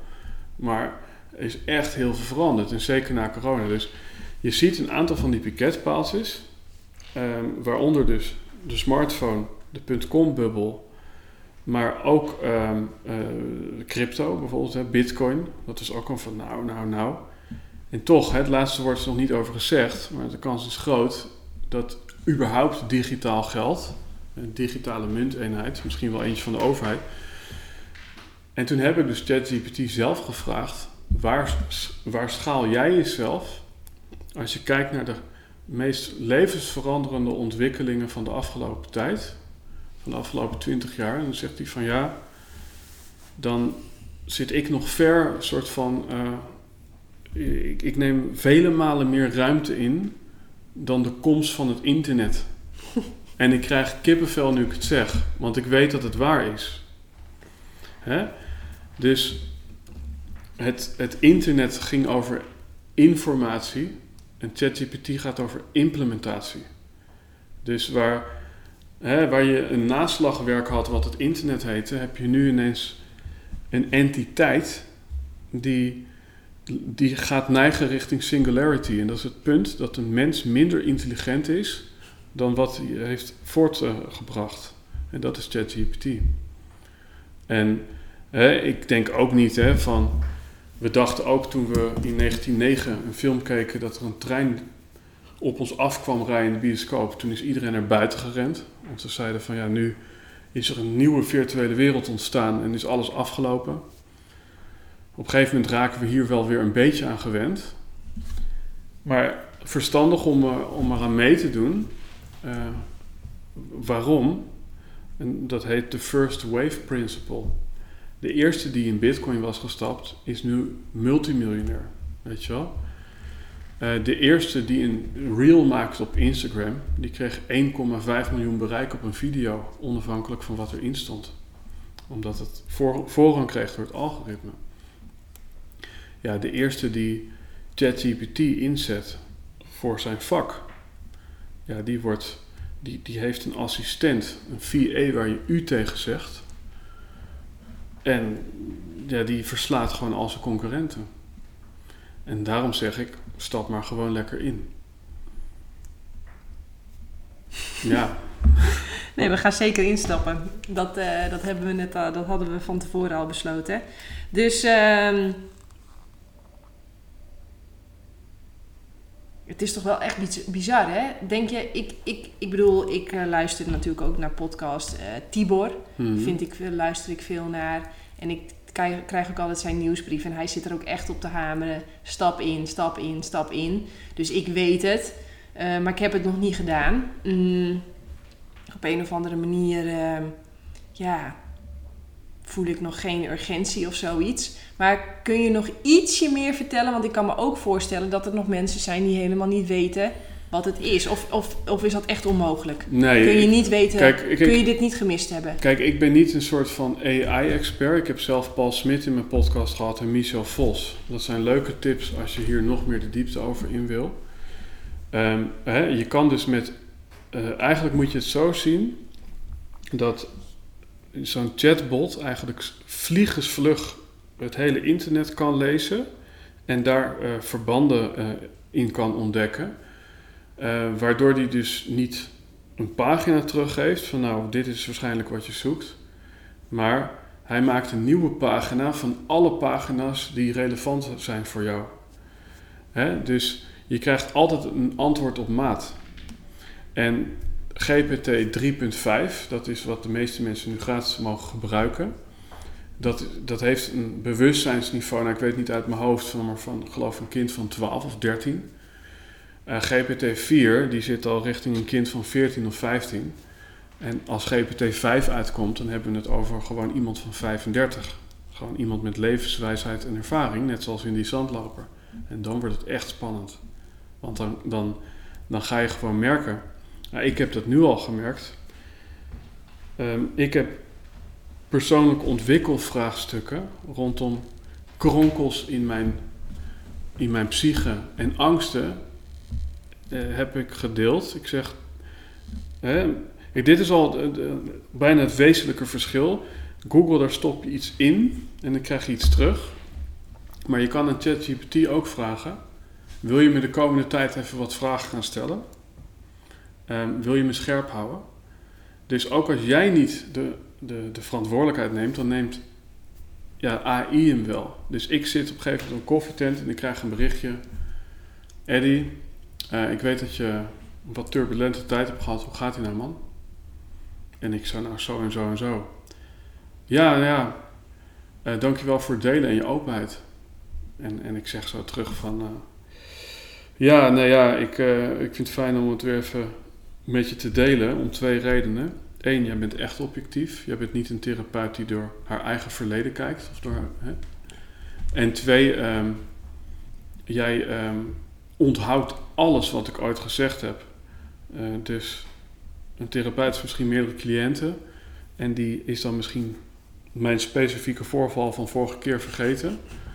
Dus hij, hij is in het kader van essentialisme, is altijd zit hij precies op de essentie en hij is ja, niet oordelend en objectief.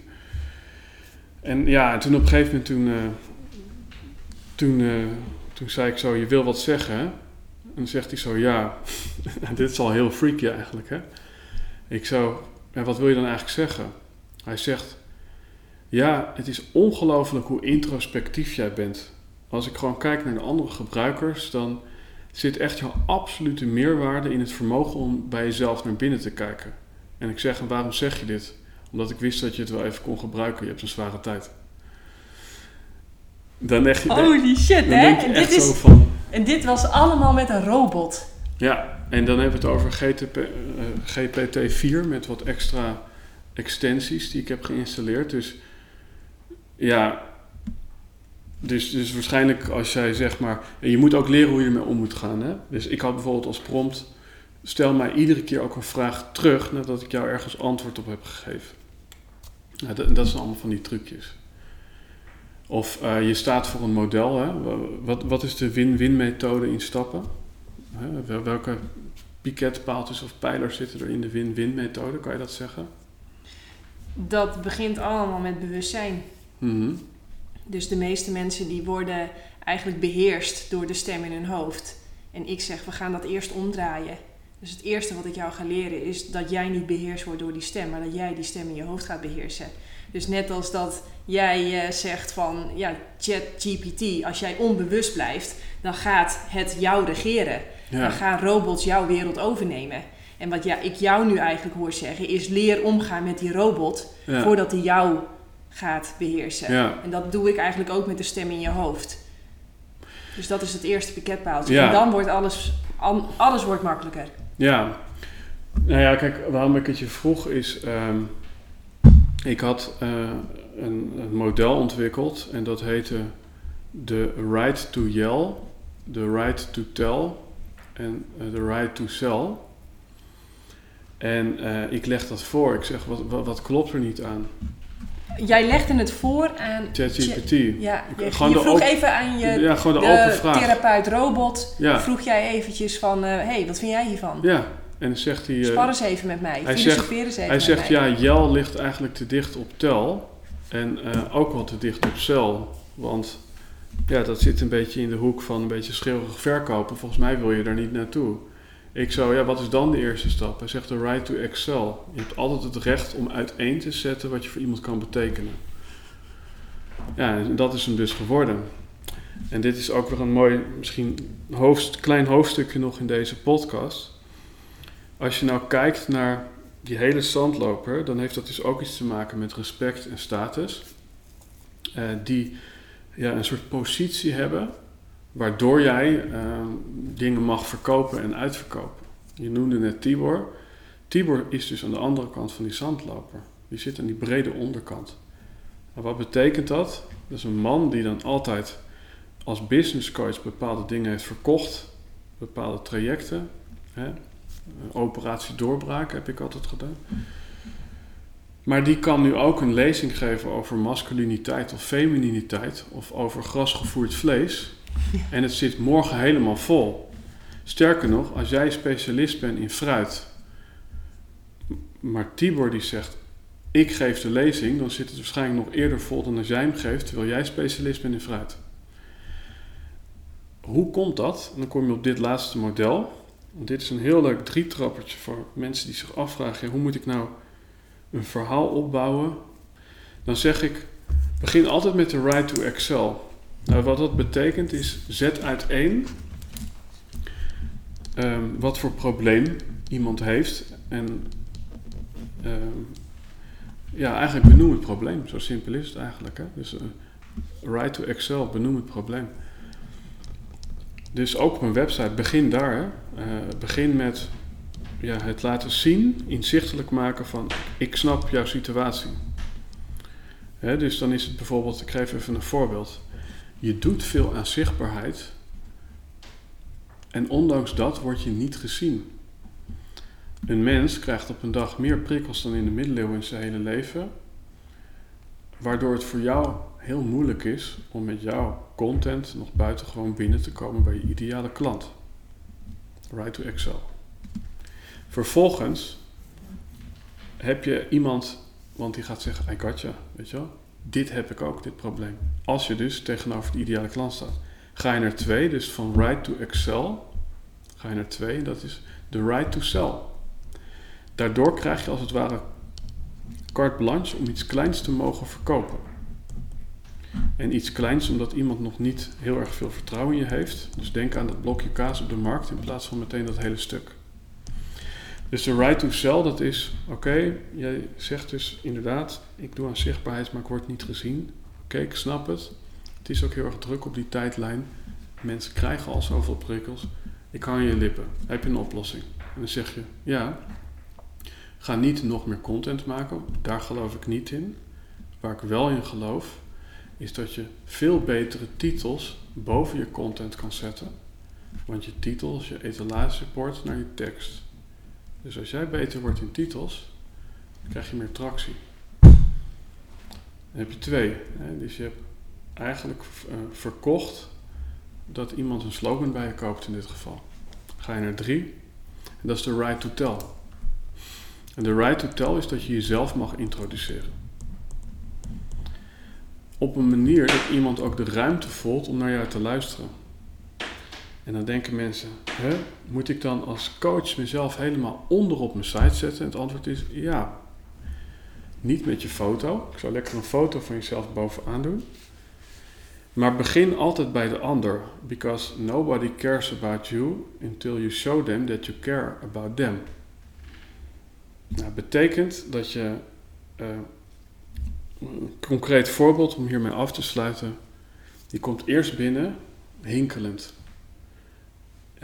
Je weet niet of je been gebroken of gekneusd is. Dan krijg je een röntgenfoto, dus dat is de right to Excel. Dus je zet uiteen wat er uit de hand, aan de hand is. En dan is de conclusie op de foto, jij hebt een gebroken been. En dan krijg je de right to sell. Dus dan zegt iemand, oké, heb je een oplossing die ik bij kan kopen? Ja, ik heb gips. Oké, daar moet een operatie voor plaatsvinden. Wanneer is die? Oké, aanstaande vrijdag. Oké. En dan komt als laatste, als derde stap, komt de chirurg om jou een hand te geven en die zegt: Ik zal hem even voorstellen. Ik heb gehoord dat je ook van vinyl houdt van de zuster. Ik ook. Wat is nou je favoriete plaat? Nou, die en dat. Oh ja, voor mij is het echt uh, Ray Charles. Weet je wat, ik geef je even een prikje, dan ga je een beetje in slaap uh, sukkelen. Maar uh, dan weet je in ieder geval wie jou in handen neemt. Voel je, dus wat je voelt is the right to tell het laten zien wie je bent, dat wordt op een gegeven moment iets wat, wat, je hebt, uh, waar je het recht op hebt gekregen. dus je hoeft jezelf niet meer naar voren te duwen met een verhaal. dus als je drie jaar lang heel veel plezier hebt gehad aan het gebruiken van een iPhone, komt er op een gegeven moment bij jou zelf een moment dat je denkt: ik wil die biografie van Steve Jobs wel eens lezen. Dus iedereen die denkt, ja, ik moet echt laten zien wie ik ben, ja, heb het vertrouwen, net zoals in die zandloper, dat er een moment komt dat mensen massaal gaan vragen: wie ben jij? En dat, en dat vind ik in die zin ook heel inspirerend. Van als jij gewoon uh, ja, op, op, op jouw stuk in het midden van die zandloper echt je bijdrage levert, dan krijg je uiteindelijk ook altijd erkenning. En dan word je uiteindelijk ook altijd gezien. En dan voel je daardoor nog meer dankbaarheid en bestaansrecht. Mooi. Mooi. Voelt als een uh, mooi einde. Zo voelt het, hè? Ja. Ja, dat ik ook. Ja. Top. Heel erg bedankt. Ik, uh, oh, hij is lekker overbelicht, want ik dacht het is vandaag heel uh, donker weer. De gordijnen kunnen wel open. normaal doe ik die dicht, want anders wisselt het dus de hele tijd ja, ja, kleur. Maar goed, compleet verkeerde inschatting, want het is buig weer. Dus wij staan hier nu extreem overbelicht. Je ziet ons bijna niet meer. Maar hier oh, zijn wij dus. ja, het is een beetje een soort van uh, pad van verlichting. Pad van verlichting, ja, mooi. hey, uh, kun je nog even kort vertellen waar mensen jou kunnen vinden? Uh, of zitten we nu, ja, right to Excel?